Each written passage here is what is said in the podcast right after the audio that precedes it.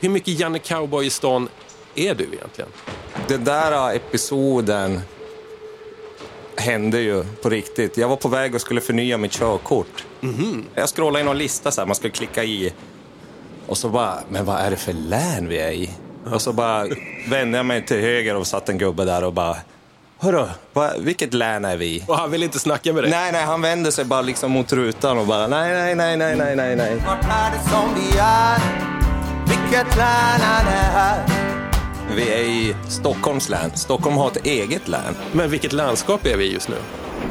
Eh, Västergötland, Östergötland, jag vet inte. DJ 50 spänn Stan är ju full av eh, inflyttade norrlänningar och skåningar och alla möjliga Verkligen. typer av cowboys. Det här är nätradioprogrammet DJ 50 spänn och den som har shoppat fem loppisplattor för en 50-lapp, eller kanske mindre till och med, han sitter mitt emot mig. Johan Airijoki, välkommen tillbaka hem till Stockholm. Tack så mycket. För du bor ju här nu.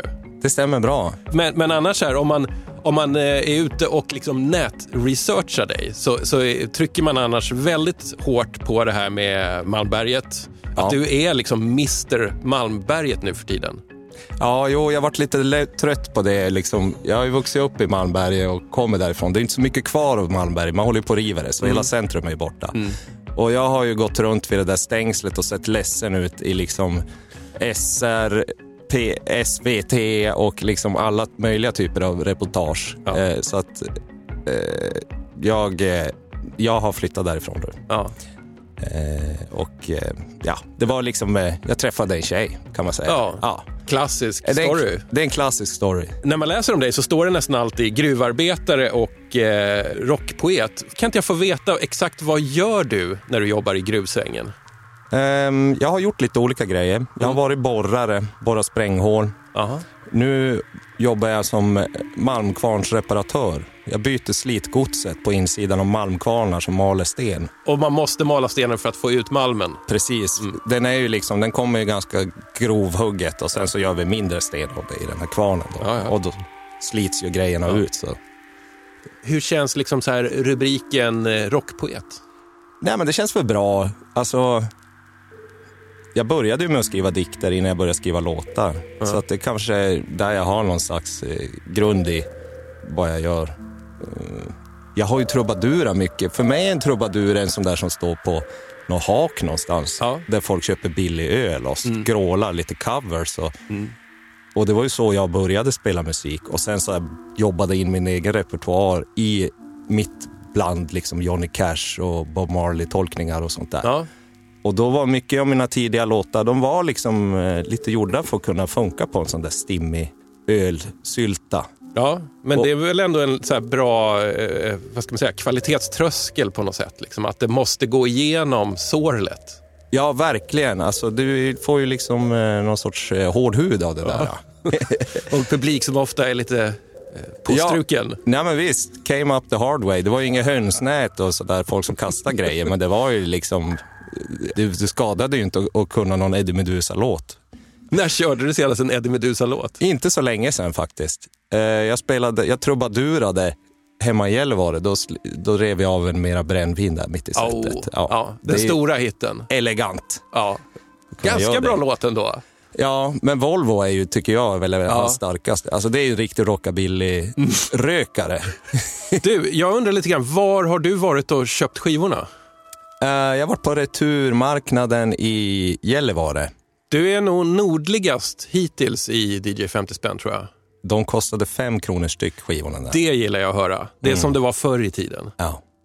Det fanns mycket plattor och det var sorterat också. Oj. Det var inte, kanske inte alltid rätt sorterat, men de hade i varje fall mycket av det var det. Jag är spänd på att höra vad det blir, så jag tycker vi langar på den första nu. Jajamän.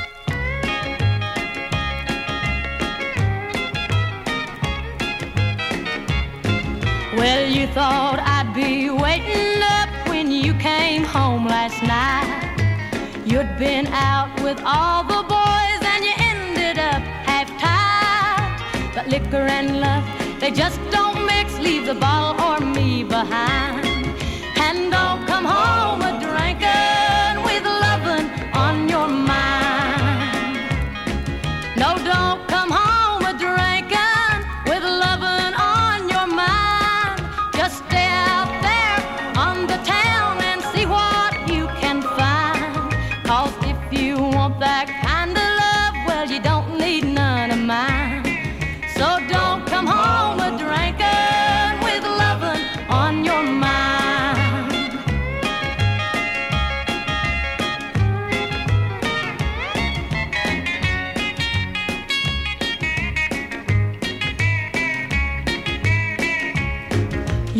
Never take me anywhere because you're always gone.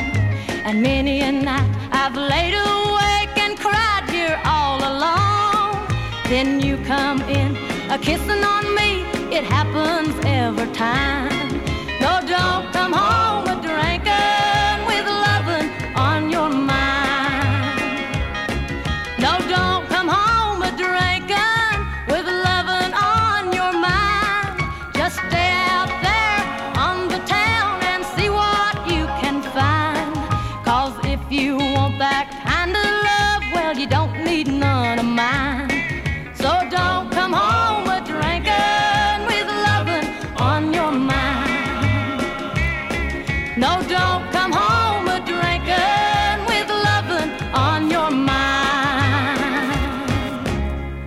Vi hörde Loretta Lynn med Don't come home a drinking. En eh, sedelärande berättelse kan man väl ändå säga. Absolut. Man får ganska tydliga förhållningsregler här, vad som gäller av Loretta. Kom inte hem på fyllan och tro att du ska få nuppa, utan det är liksom... Det blir inget. Det blir inget. Kom inte hit och lukta sprit. Och du har hittat det här på en samlingsplatta som heter Loretta and Conway Sing the Great Country Hits. En samling med, trodde jag att det skulle vara alla deras eh, liksom duetter, men de har slängt in sololåtar också. De verkar ha gjort ganska många duetter, alltså, de har gjort flera skivor ihop. De hade en duettfas på 70-talet tror jag, som gick jätte, jättebra. Det finns väl såna... De fick eh, de Country? Music Awards för bästa, det bästa duo-partner. liksom. Precis. Vad, alltså, hur kommer det sig att du plockade upp eh, Loretta Conway-samling när du var där? Jag ville ha en countryplatta för att jag har lite så här, jag har inte djupt jag är inte så djupt inne i country, men jag har snöat in på country på senare tid. Ja. Jag tror det kommer när man fyller 40 kanske. Det stämmer. Man Ja. förstår, jag tror att det är så här att man förstår inte country eh, om man inte har uppnått en viss ålder. Nej, för det är lite så här, början tycker man bara att det låter lite töntigt och det låter som dansband eller något. Ja, Men det är ju faktiskt, det har ju det här svänget som är Mm. supercoolt också. Tydliga låtar och tydliga berättelser. ja. Det är det som är härligt när man lyssnar på så här, den här typen av gammeldags country, eller, eller vad vi ska kalla det också, att det är eh, det, det är ett töntigt sväng som ändå funkar, skulle jag vilja säga. Ja, för att de levererar det med så mycket allvar och som så jäkla övertygelse. Så att det är det som är så fint, att det är töntigt Mm. liksom också. Men du Johan, du, du är väl ändå liksom och- och inne och nosar på gränserna till country ibland, tänker jag. Jag är nog nosar på gränserna till både country och dansband. Och, eh, det gör jag. Men, men hur gör du för att liksom inte så här, hur gör du för att våga det då? För att jag menar, så här, du, du och jag är ju samma generation, vi är uppvuxna med liksom insikten någonstans från tidig ålder att country ändå är lite töntigt. Man kan inte vara kreatör och recensent samtidigt, utan man får liksom... Musik bara... Du, följ, du kommer på med något Mm. och så följer du, genomför du den idén så fullt ut som du kan. Ja, ja. Sen efteråt får man fundera lite, aha, fan, det här är ju växelbas. Okej, ja men Ja. Mm. vi kör, det här blir väl coolt. Det är klart att vi ska göra en sån här låt. Är växelbas samma sak som ambulansbas? Ja, det är den här dun, dun, dun, Just det, dun. ja. Mm, Ompa-svänget. Eh, som tydligen kommer då från Tyskland som jag har förstått det. Alltså det är så jag, det jag har, har researchat i countryn är ju Ja. att det är ju ett mischmasch av massa olika Ja. stilar. Jo, Banjon är från Afrika, men, och den här, men den här växelbasen, det kommer från tysk musik påstås det då. Men det kan jag tänka mig, för att i- USA så har ju genren polka varit jättestor jättelänge. Och den har ju det där också. Det är ju Ja. umpa, eh, Ja. liksom rytm, eller vad man ska säga. Ja. Men om basen och trumman ligger där framme och levererar ett tungt umpa groove, Ja. då kan man ligga lite i baksätet och sjunga och spela gitarr till det. Det tycker jag blir svängigt. Vet du någonting om Loretta Lynn? Ja, alltså hon var väl en eh, coal miners daughter. Hon Ja. har väl en, en, en låt och en bok och en film tror jag till och med det gjordes en så. film som handlar om Loretta Lynn, en sån här Ja. biopic. Eh, Precis, och hon är liksom, hon kommer från enkla förhållanden. Så, som vanligt nästan höll jag på att säga. En jättefamilj som växte upp i ett ruckelartat hus någonstans långt från närmsta asfalterade väg.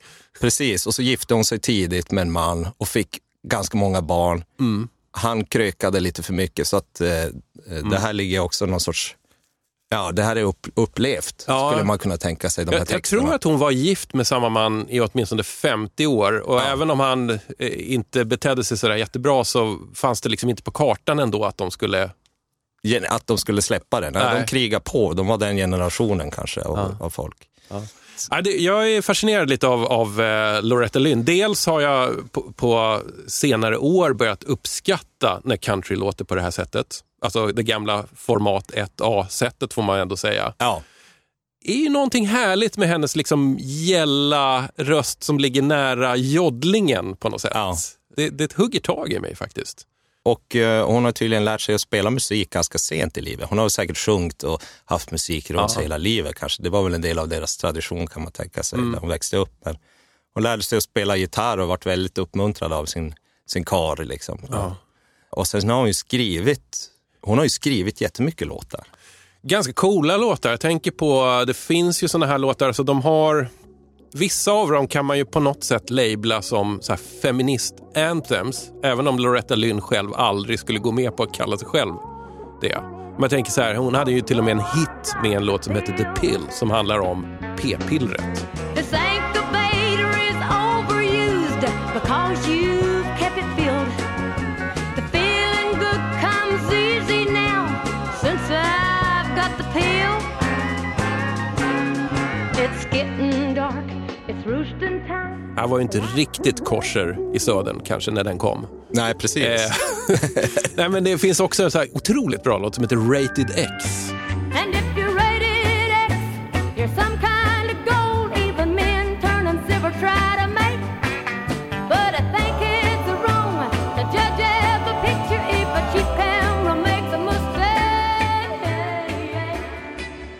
Det handlar inte om porr, utan det handlar om liksom hur... Eh, ja, ja, men den här klassiska orättvisan, hur, hur man ser ner på skilda kvinnor, men skilda män eh, får göra som de vill. Liksom. Men det är väl någon verklighet hon lever med, tänker jag. Liksom. Som hon sjunger och skriver om det hon har upplevt och liksom sett kvinnor runt sig och eh, och har plock, snappat upp de här historierna. Och sen kanske hon inte är så här eh, ideologiskt, politiskt formulerad och kanske om att det skulle vara feminism eller att Nej. det skulle vara si eller så. Eh, utan Nej, vad, vad jag har fattat så har hon ändå identifierat sig som konservativ och jag vet att hon supportade Trump, åtminstone i första gången Trump vann valet. Så, att, Ja, så även om man kanske vill så här, claima henne som superprogressiv så tror jag aldrig att man skulle få med henne själv på det. Ja, men hon har ju också något så här, typ, hon har ju ett eget eh, Loretta Lynn-land Ja. som Dollywood. Jag vet inte om det finns kvar något mer, men det har funnits ett sånt i varje fall, där man har liksom kunnat gå runt och se på hennes gamla scenkläder och instrument. Och så, hon drog, hängde ofta där själv och Fan, tog emot det- sina fans och Ja, signerade alla deras grejer. Och, fan, det skulle man ju vilja gå på. Alltså. ja, verkligen.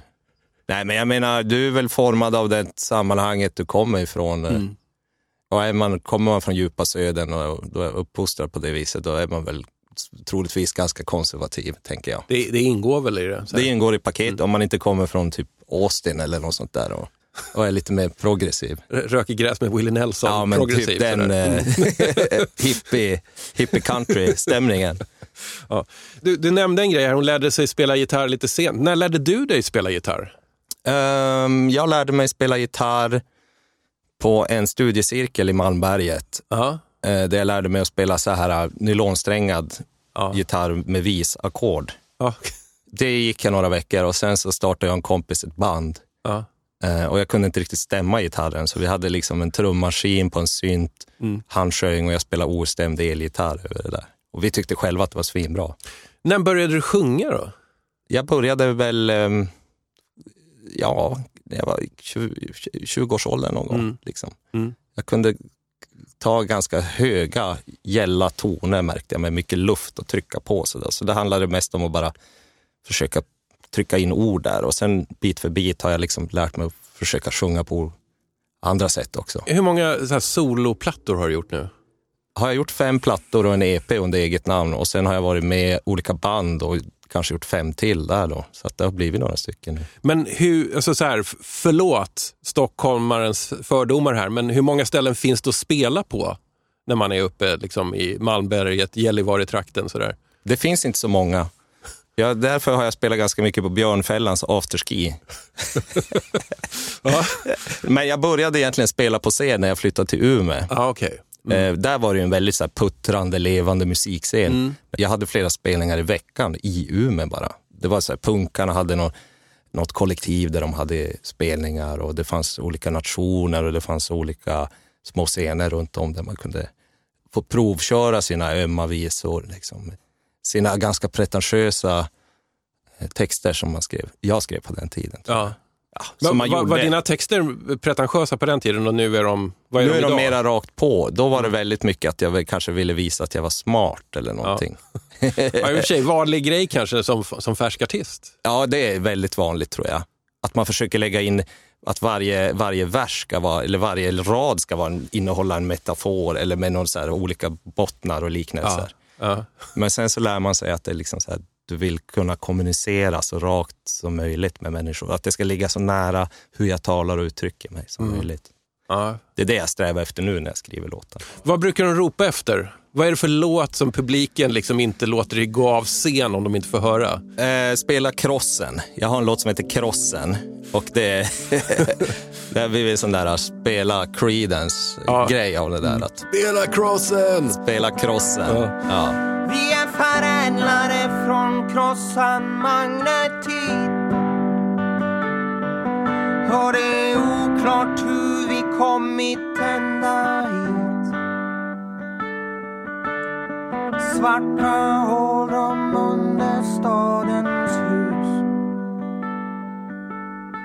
Värme mellan enplansvillors ljus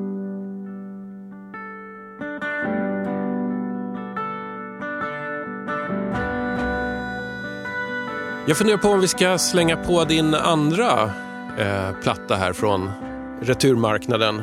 Yes. Har du en, en, en sån här Västeråskille här med lite nasal och lite speciell röst, om vi ska använda ett snällt ord? Han kommer här.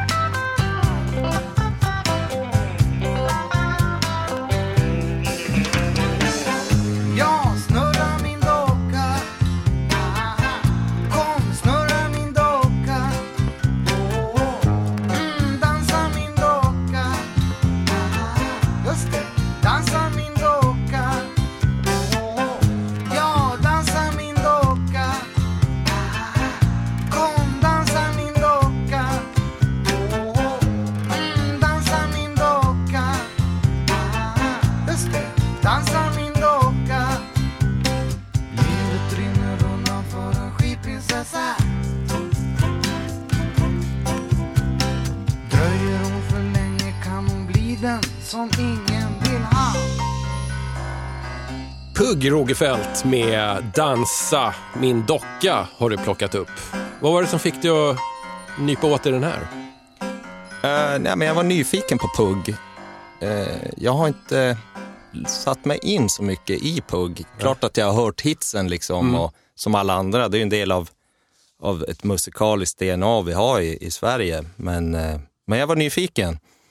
Och, så jag plockade upp den här plattan. Ja. Va, och, och varför fastnade du för den här låten?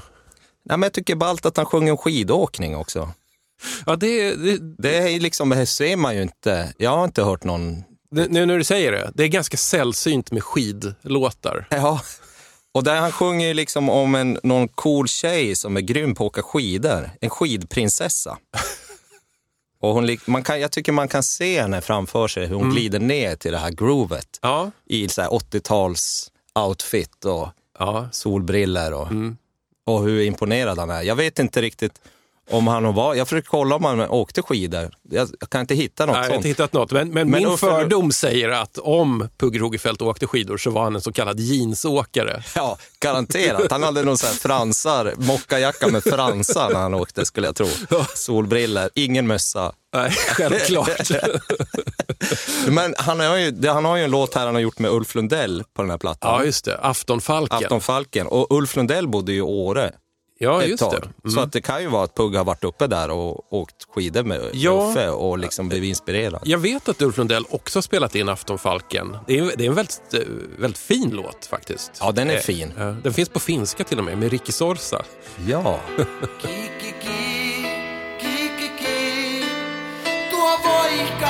on niin ladduton. Jo matkan muuttohaukka käy, eikä saattaja näy. ja, den har en, en folkton.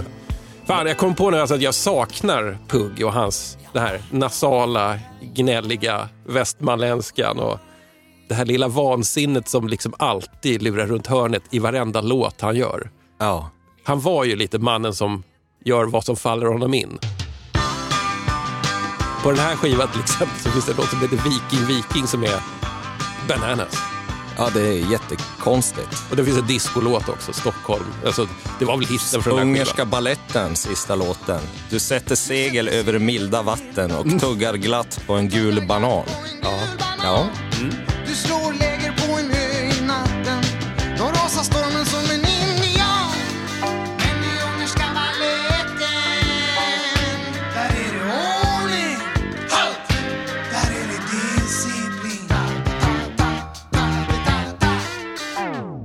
Vad händer med dig nu då när, när, när du lyssnar på Pugg? Jag, jag diggar det. Alltså jag tycker det är coolt att det är så högt i tak och att det är lite vad som helst. Men den här är cool. Den har lite så här JJ Cale-stämning tycker jag, den här låten. Också när den här guran kommer in och det liksom puttrar på det här groovet. Det är ju lite så här, det är en liten, jag vet inte om det är någon klarinett eller något så som är in och tutar lite i den här också. Ja, eller en altsax kanske. Kan, ja, det kanske det är. Jag bara tänkte sen när jag hörde det här att om, om du någon gång tillsammans med Malmfältens rockklubb skulle göra en Pugg-cover. Ni skulle kunna göra den här tror jag. Ja, jag och, tror- och ro hem det. Skulle det vara så här så mycket bättre att jag hade varit med där, då hade jag Ja. nog försökt göra den här tror jag.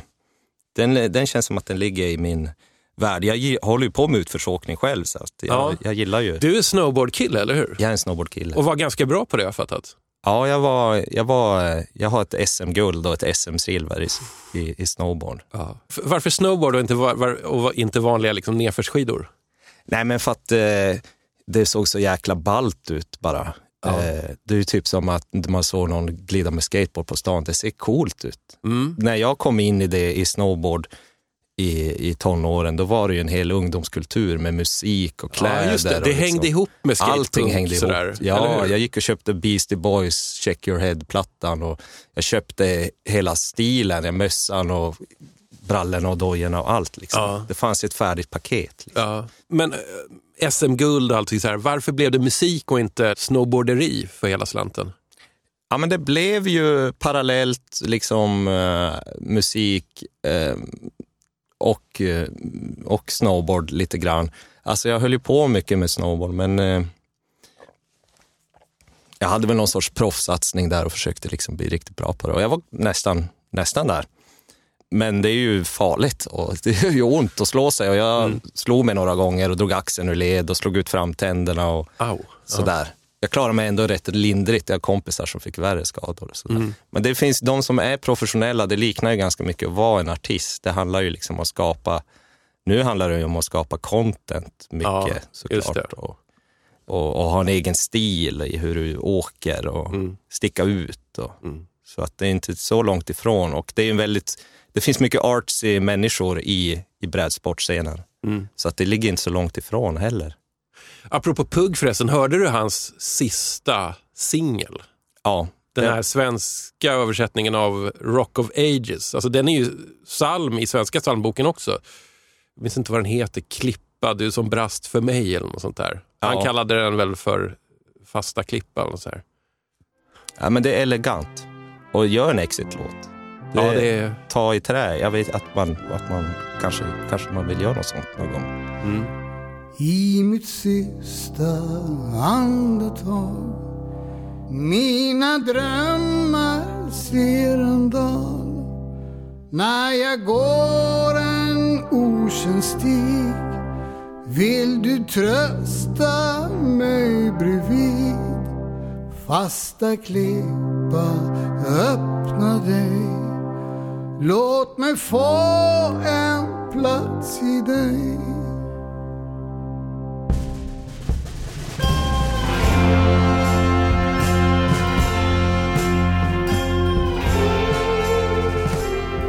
Men Pugg, absolut.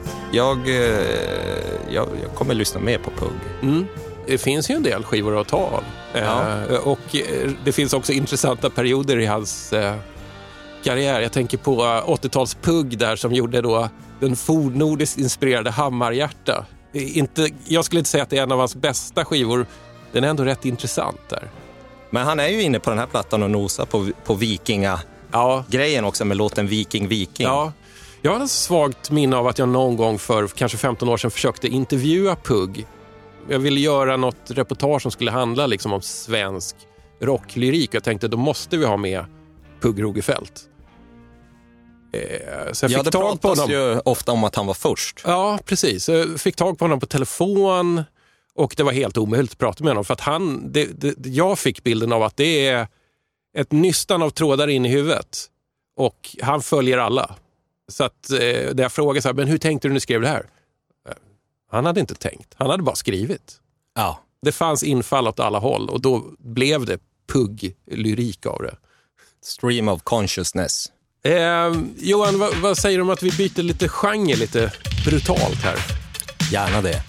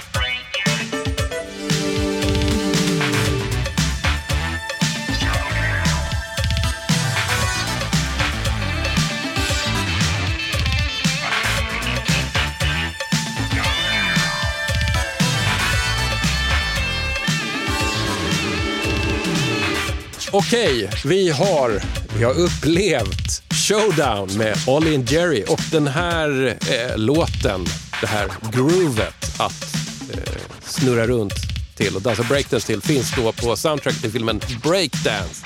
Varför chansar du på det här? Jag gillar ju jag gillar hiphop. Ja, för I början när man lyssnar på musik så försöker man ju lyssna på hård musik för att man tänkte det var det som var grejen, att man skulle lyssna på Det ska vara tufft. Ja, det ska Ja. vara tufft. Men jag gillade inte det så mycket. Jag Nej. gillade ju mera sådana här funkiga. Ja, ja, ja. Hiphop kan ju vara oerhört tufft och hårt, men, men här är vi ju liksom i en period i, i, i hiphopen innan den har liksom blivit sådär hård och tuff.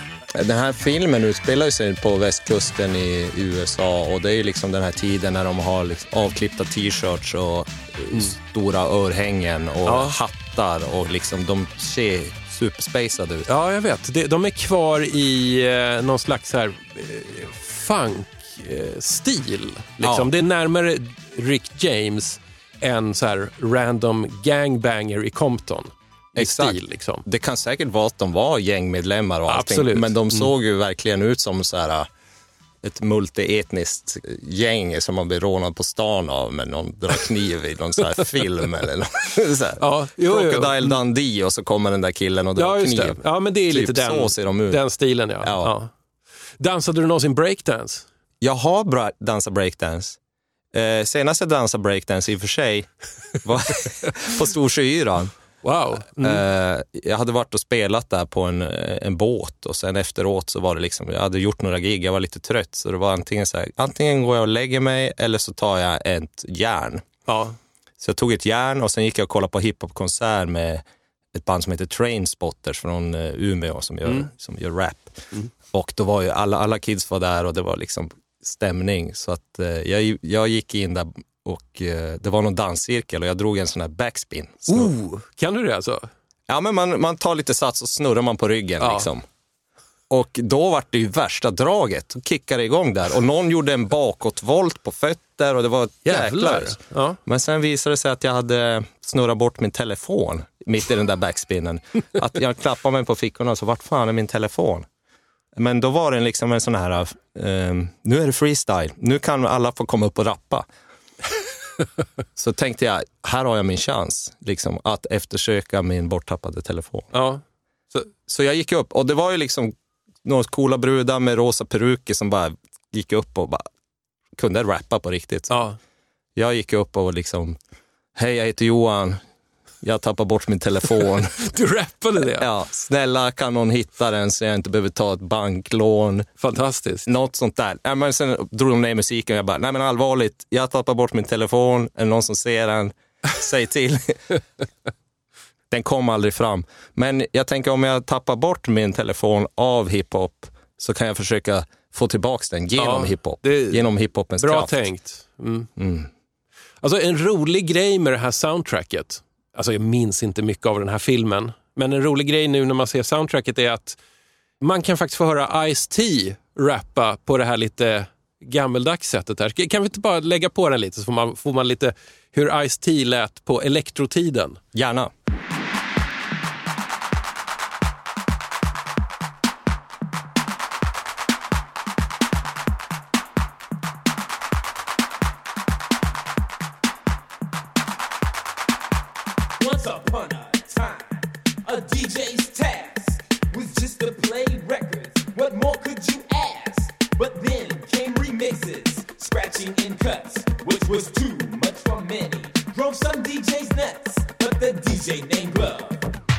Vad tycker du om eh, Ice-T's rap-skills tillbaks till 1984? Det är, ju, det är ju coolt. Han rappar ju på det där gamla sättet när man Ja. snackar om hur grym DJn är. Det var en ganska viktig liksom, subgenre till rap, att Ja. hypa sin DJ. Det var väl, som jag förstått det, där det började. Det var DJen som var stjärnan egentligen. Så Ja. kolla, kolla den här DJen, min DJ är grym. Han kan göra si och så, han kan scratcha, han Mm. kan mixa. Den här låten heter Reckless och är alltså gjord av Chris The Glove Taylor och David Stores. Eh, och då har de tagit in Ice-T för att rappa om hur häftig DJn är. Då. Han gör att- även sin skådespelardebut i den här Är filmen. han med i filmen? Han är med i filmen. Oh. Jajamän. Det låter som att du nästan har sett den här filmen i, i nutid. Jag gick in och kollade några scener på, på, på tuben för att få lite känsla för materialet. Känns det som att den håller? Eh, ja, alltså det är ju en sån här uh, 80-talsfilm där man gör en film runt en ball grej som har dykt upp i ungdomskulturen, typ skateboard eller vad det, vad det nu kan vara. Och här är det breakdance. Så det, är en liten, det känns lite som en sån här money grab med den här klassiska storyn, typ som en Karate Kid. Det är någon tjej som dansar lite klassisk ballett men hon vill Ja. komma in i break, breakdance. Ja.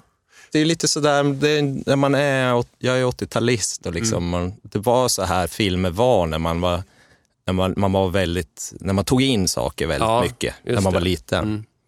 Så att den här ljudvärlden och de här Mm. typen av filmer och bilder, det, man blir ju varm inuti. Har, har du släppt något hiphop? eh, Artat i musik? har inte gjort det. Jag har faktiskt gjort raplåtar med, med en kompis. Mhm. Eh, Men den har vi, vi har aldrig släppt den. Nej. Jag vet inte riktigt eh, om vi någonsin kommer göra det heller. Ja, ja. Vi har gjort en raplåt som heter Badhuset, som handlar om att gå och bada. ja. Och liksom själva idén är då att eh, badhuset är den, den, den, den kommunala motsvarigheten till paradiset. Liksom. Mm. Alltså du, du kan, för en billig peng kan ju vem som helst gå och spa loss ja. på något litet, när det är 30 minus i Norrlands inland så kan du få ja. bada och basta Ja, och sitta det. och dricka kaffe ur någon plastkopp. Och, Men många Men- sådana här kommunala badhus, har inte de lite så här namn ibland att de heter typ så Paradiset eller Sydpolen? Eller, Ja, alltså du vet att det finns något fantasifullt i namnen. ja, precis. Men det kan inte bara säga, ja visst, eh, den är liksom, den heter badhuset, inom parentes tror jag, sosseparadis. Det är bra. så att det är liksom så här, det är den kommunala ver- liksom, verksamhetens motsvarighet till paradiset. Så här. Ni, kan ju, ni ska ha utbildning, ni ska ha mat, ni ska ha skola, men ni måste också ha det lite nice. Att Just då, det. då kan man få på badhuset.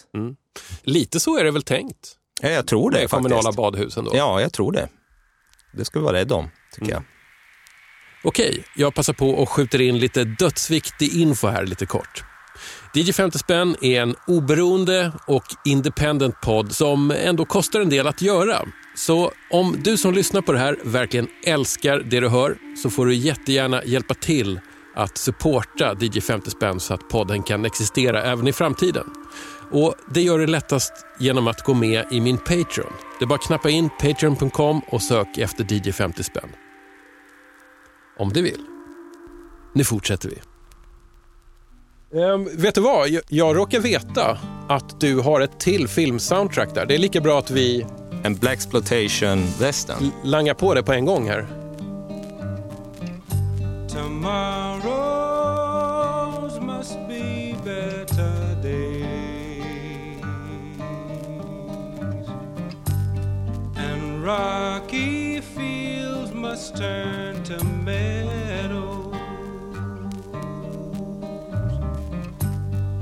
There are prices men must pay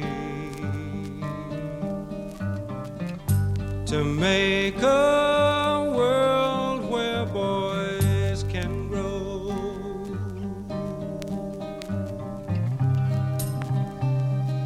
Idle thoughts of horses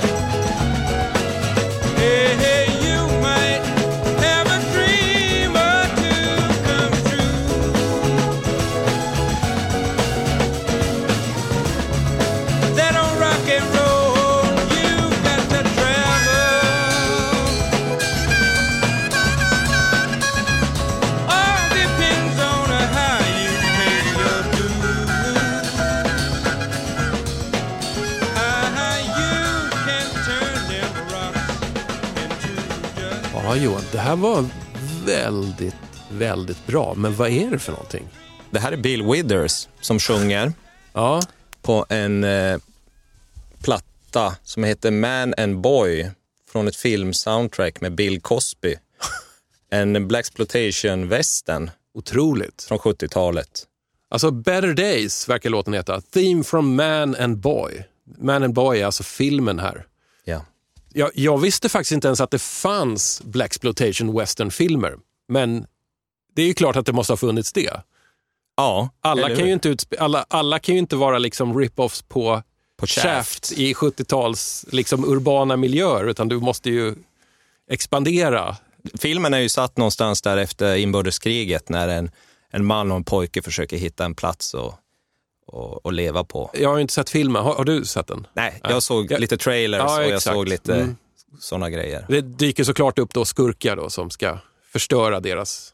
Jajamän. Lägga, eh, vad heter det, De hindra lag... deras dröm. Liksom. Ja, de är i laglöst land och de måste kämpa. Ja, och Bill Cosby nu för tiden är ju eh, synnerligen cancelled här på grund av eh, sexuella övergrepp som verkar ha pågått under en väldigt lång tid här. Men eh, det som är lite konstigt här, Bill Cosby har ändå alltid varit liksom på något sätt rolig, men den här filmen verkar ju inte ha någon comedy i sig alls, utan det verkar vara en ganska Ja, det är ganska all- grym, eh, grym och western. allvarlig. Ja. ja, det, han var ju liksom Dave Chappelle på den tiden, Ja. eh, innan då hela den här tragiska episoden rullades ut. Hur känner du för liksom western-genren?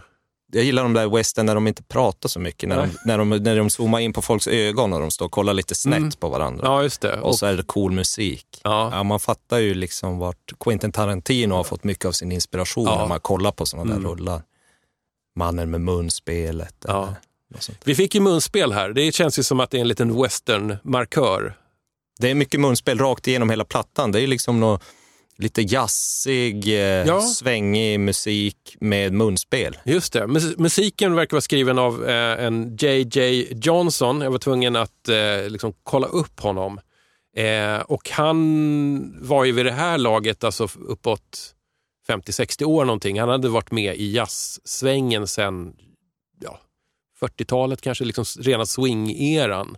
Tydligen var han först med att spela bebop på trombon. Okej. Det var ingen som trodde att det skulle gå att göra det, för att den, hade inga, den har inga knappar. Liksom, och man måste Nej. spela snabbt om man Ja, spelar det. bebop. Men han, han eh, utvecklade en stil där då. Han var Ja. säkert po- gammal polare med Quincy Jones. Eller Ja, kan man tänka Quincy sig. Jones har nämligen varit musical supervisor här och det är ofta så här att det hittar ett soundtrack där Quincy Jones namn finns med. Man kan faktiskt plocka det bara så här att på, på den grejen för det finns oftast någonting bra. Ofta väldigt fina arrangemang Ja. och sådana saker. Det finns ett sånt eh, 70-tals soundtrack där jag tror att Quincy Jones har bossat över vad som ska vara med på det som heter, filmen heter Dollar tror jag. Jag tror att det är bara ett dollartecken. Där du har låtar av Little Richard, du har någon så här konstig Cajun-låt med Doug Kershaw som är en sån här, eh, han ser lite inavlad ut men spelar fiol som en demon. Ja. Eh, och sen har du liksom så här instrumentala partier som verkligen är så score, bara liksom så stämningsmusik från scener. De grejerna är otroligt bra. Det är så här flum-jazz, Ja. verkligen. Musik att göra en perfekt stöt till, låter det som.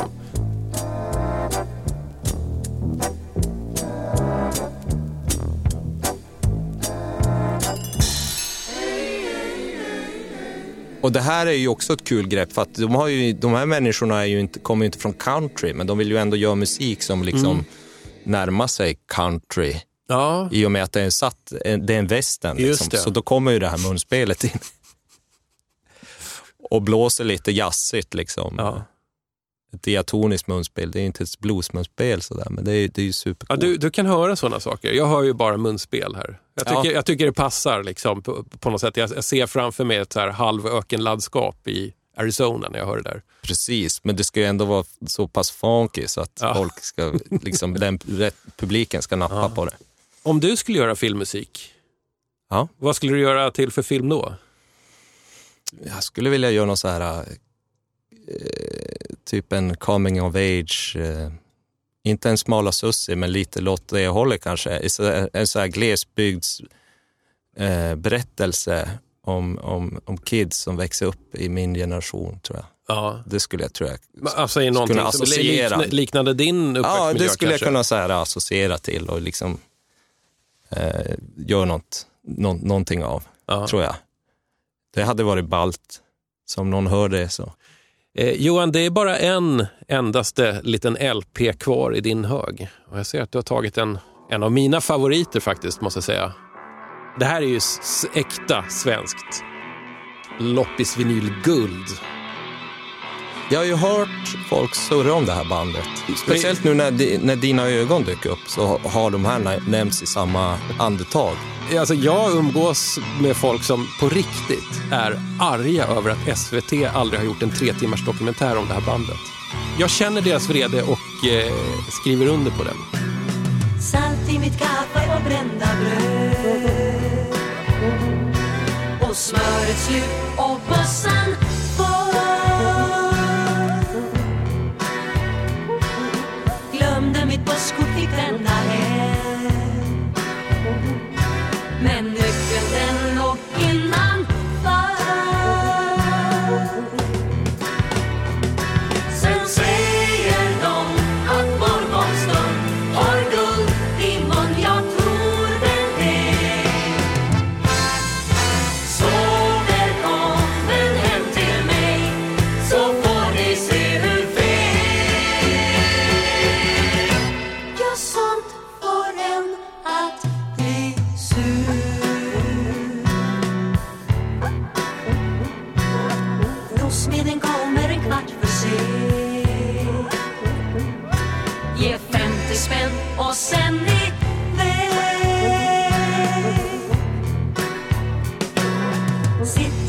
Sitter på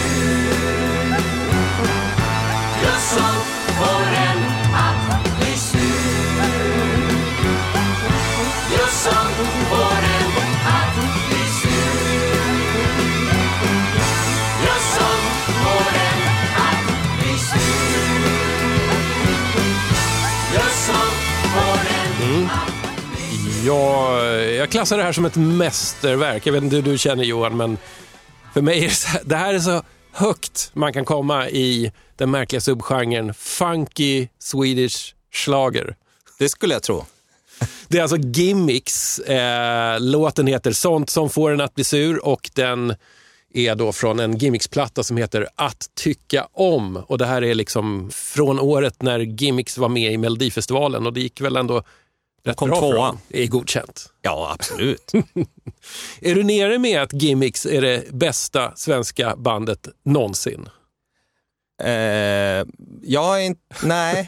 Jag, sitter, jag jobbar med Jag ledande frågor här som du märker. Ja, jag förstår det. Nej, jag, nej, ja, jag vet inte om jag skulle sträcka mig så långt, men jag skulle säga att de har ett jäkligt hippt sound, alltså Ja. för, för den tiden också. Att, att göra, kolla på The Stylistics och göra sån här liksom vokalgrupps eh, funky soul. Ja. Det Ja, är det ju är- ja. svincoolt. Den här låten är också så här, alltså den är otroligt snyggt arrangerad. Jättesnygga stråkar och blås. Och, Ja, lyxigt och lite mörk liksom, Ja. på något sätt. Den här låten är en cover på uh, People Make the World Go Round som Stylistics gjorde. Jag, jag vill nästan mena att Gimmicks tar låten ännu högre. Jag såg på dig att du inte riktigt eh, skrev under på det, men eh, vi kan tycka olika om det. Vi gillar olika.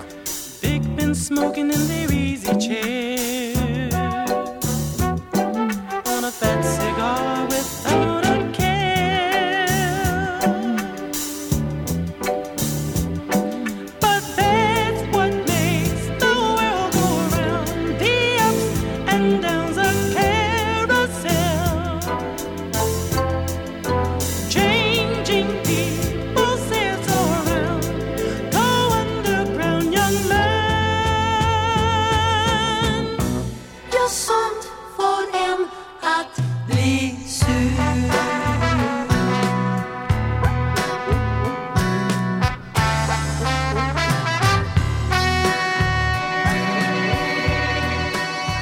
Men vad fick dig att liksom ändå plocka upp den här plattan? Nej, men jag hade hört namnet och jag hade lyssnat lite grann på streaming på Gimmicks och eh, läst lite grann om dem. Och, och, eh, de hade tydligen mycket uppdrag eh, att spela internationellt. Ja. De spelade inte så mycket i Sverige för de ansågs vara liksom lite för, för bra nästan. Eller liksom Ja. att svenskarna skulle inte fatta grejen riktigt. utan De kunde inte få ut på dansbanorna och spela Nej. stylistics Nej, covers. nej, men precis. Och de gjorde ju också saker som var ganska Brasilien-influerade. Och det, det var ju i och för sig ganska coolt och, och omtyckt på den tiden. Men de kanske låg liksom lite för nära det här eh, lyxiga latin-ish musiken som till exempel Sergio Mendes gjorde.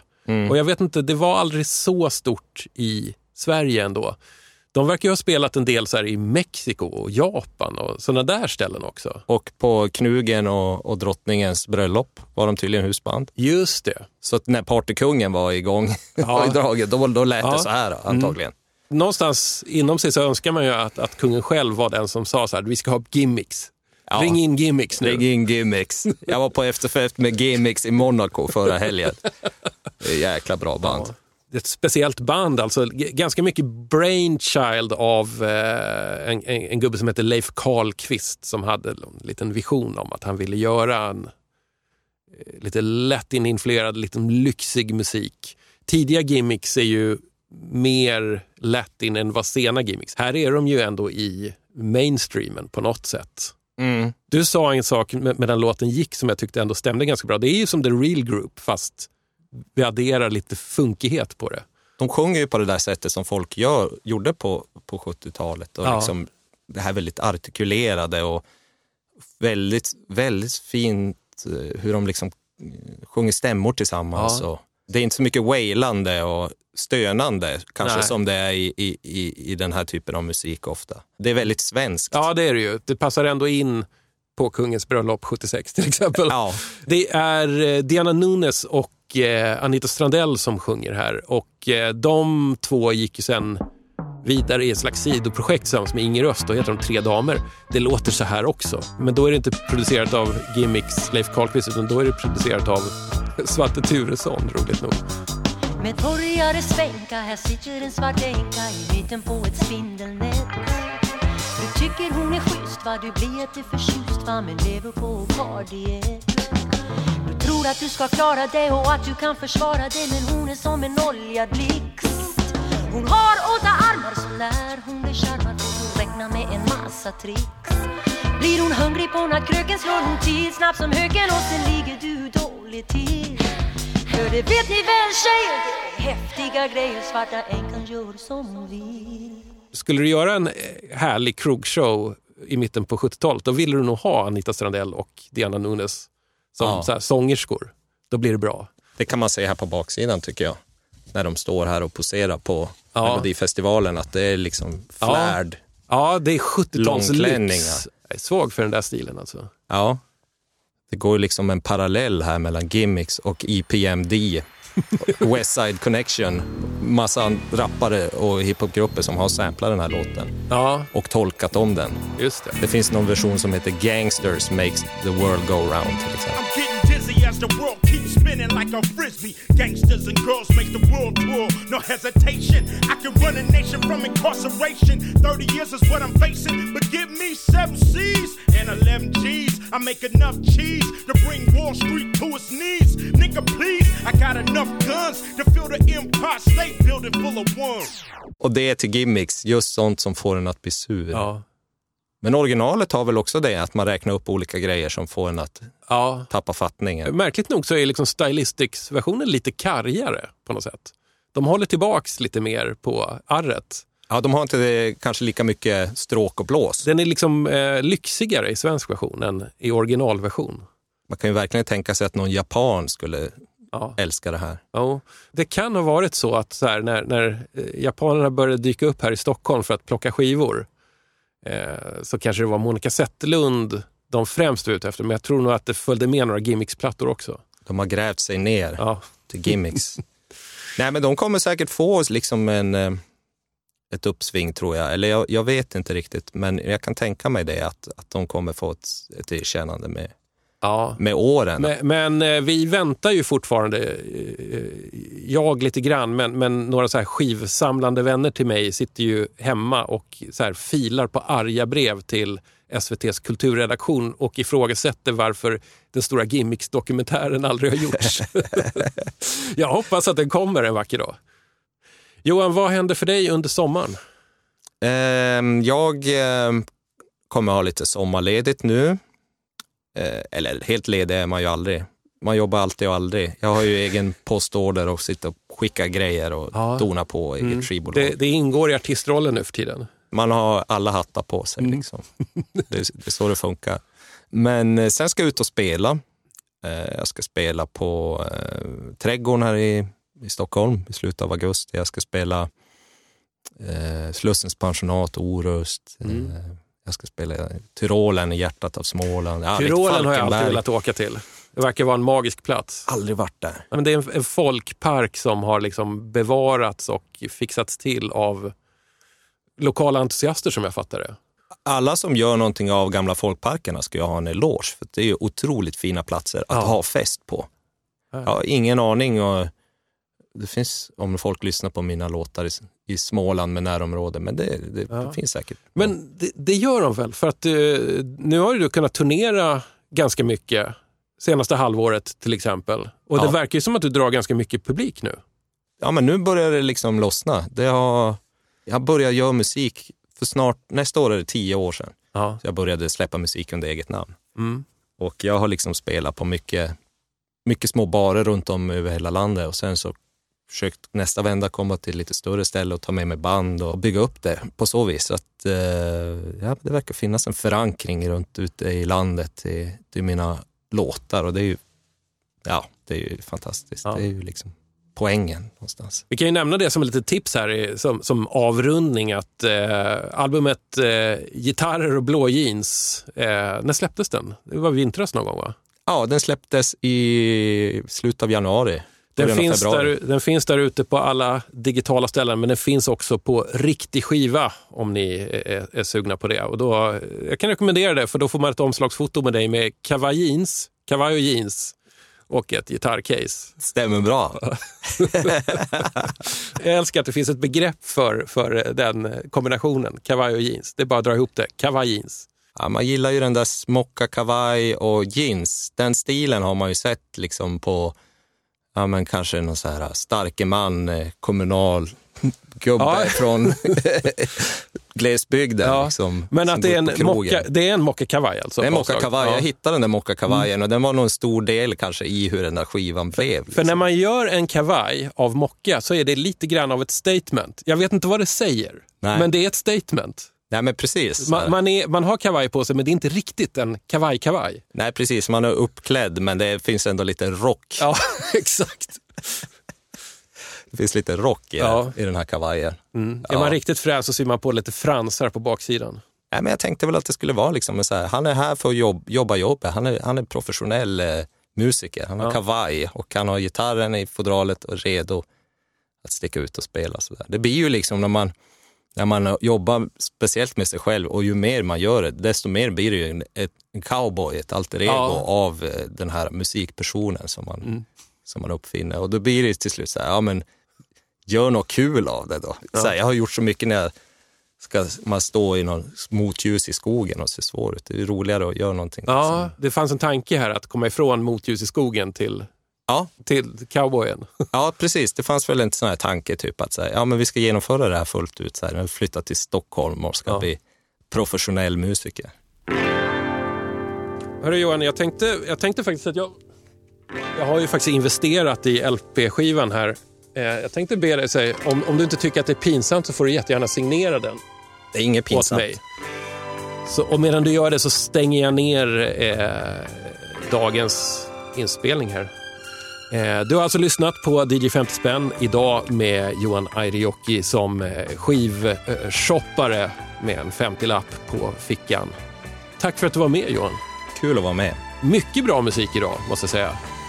Ja, jag håller med. Ja. Det fanns väldigt mycket liksom, amerikansk musik där, ska jag säga, i, Ja. Gällivare. Ja, Gällivare men- är mycket för eh, blues, rockabilly, country, just sådana grejer. Mm. Raggarbilar. Mm. Men det är också en intressant liksom, bakgrund med Malmfälten där det är liksom Folk var rånackade, eller de Ja. var kommunister. Ja, Liksom, just väldigt det. röda, men samtidigt älskar amerikansk kultur. Alltså, du sa någonting om att eh, eh, Malmberget håller på att försvinna. Hur mycket är det kvar ens av det? Ja, inte så speciellt mycket. Eh, centrum håller på att rivas nu. Liksom. Och det finns några, några gator och några lägenhetshus kvar. Eh, Flyttar man stan då eller bara avvecklar man den? både och. Mycket rivs. Det som är påmärkt, det flyttas. Ja. Vissa gamla hus. Blir ni inte lite sura på att eh, Kiruna får all liksom, cred för riva och flytta stad-grejen? Ja, jo. Ibland vi är känns det som att det är den enda, alltså, enda gången i världshistorien det har hänt. Men det är inte riktigt sant. Nej, det pågår ju liksom 12 mil söderut också parallellt och det har pågått ända Ja. sedan 50-talet. liksom. Så att, eh, vi är lite sura på det. Vi är lite sura på Kiruna. Men vi är generellt lite sura på Kiruna. Det är så här ja. derbyeffekten. Jag fattar det. Det ligger för nära och det är för lite. There can be only one.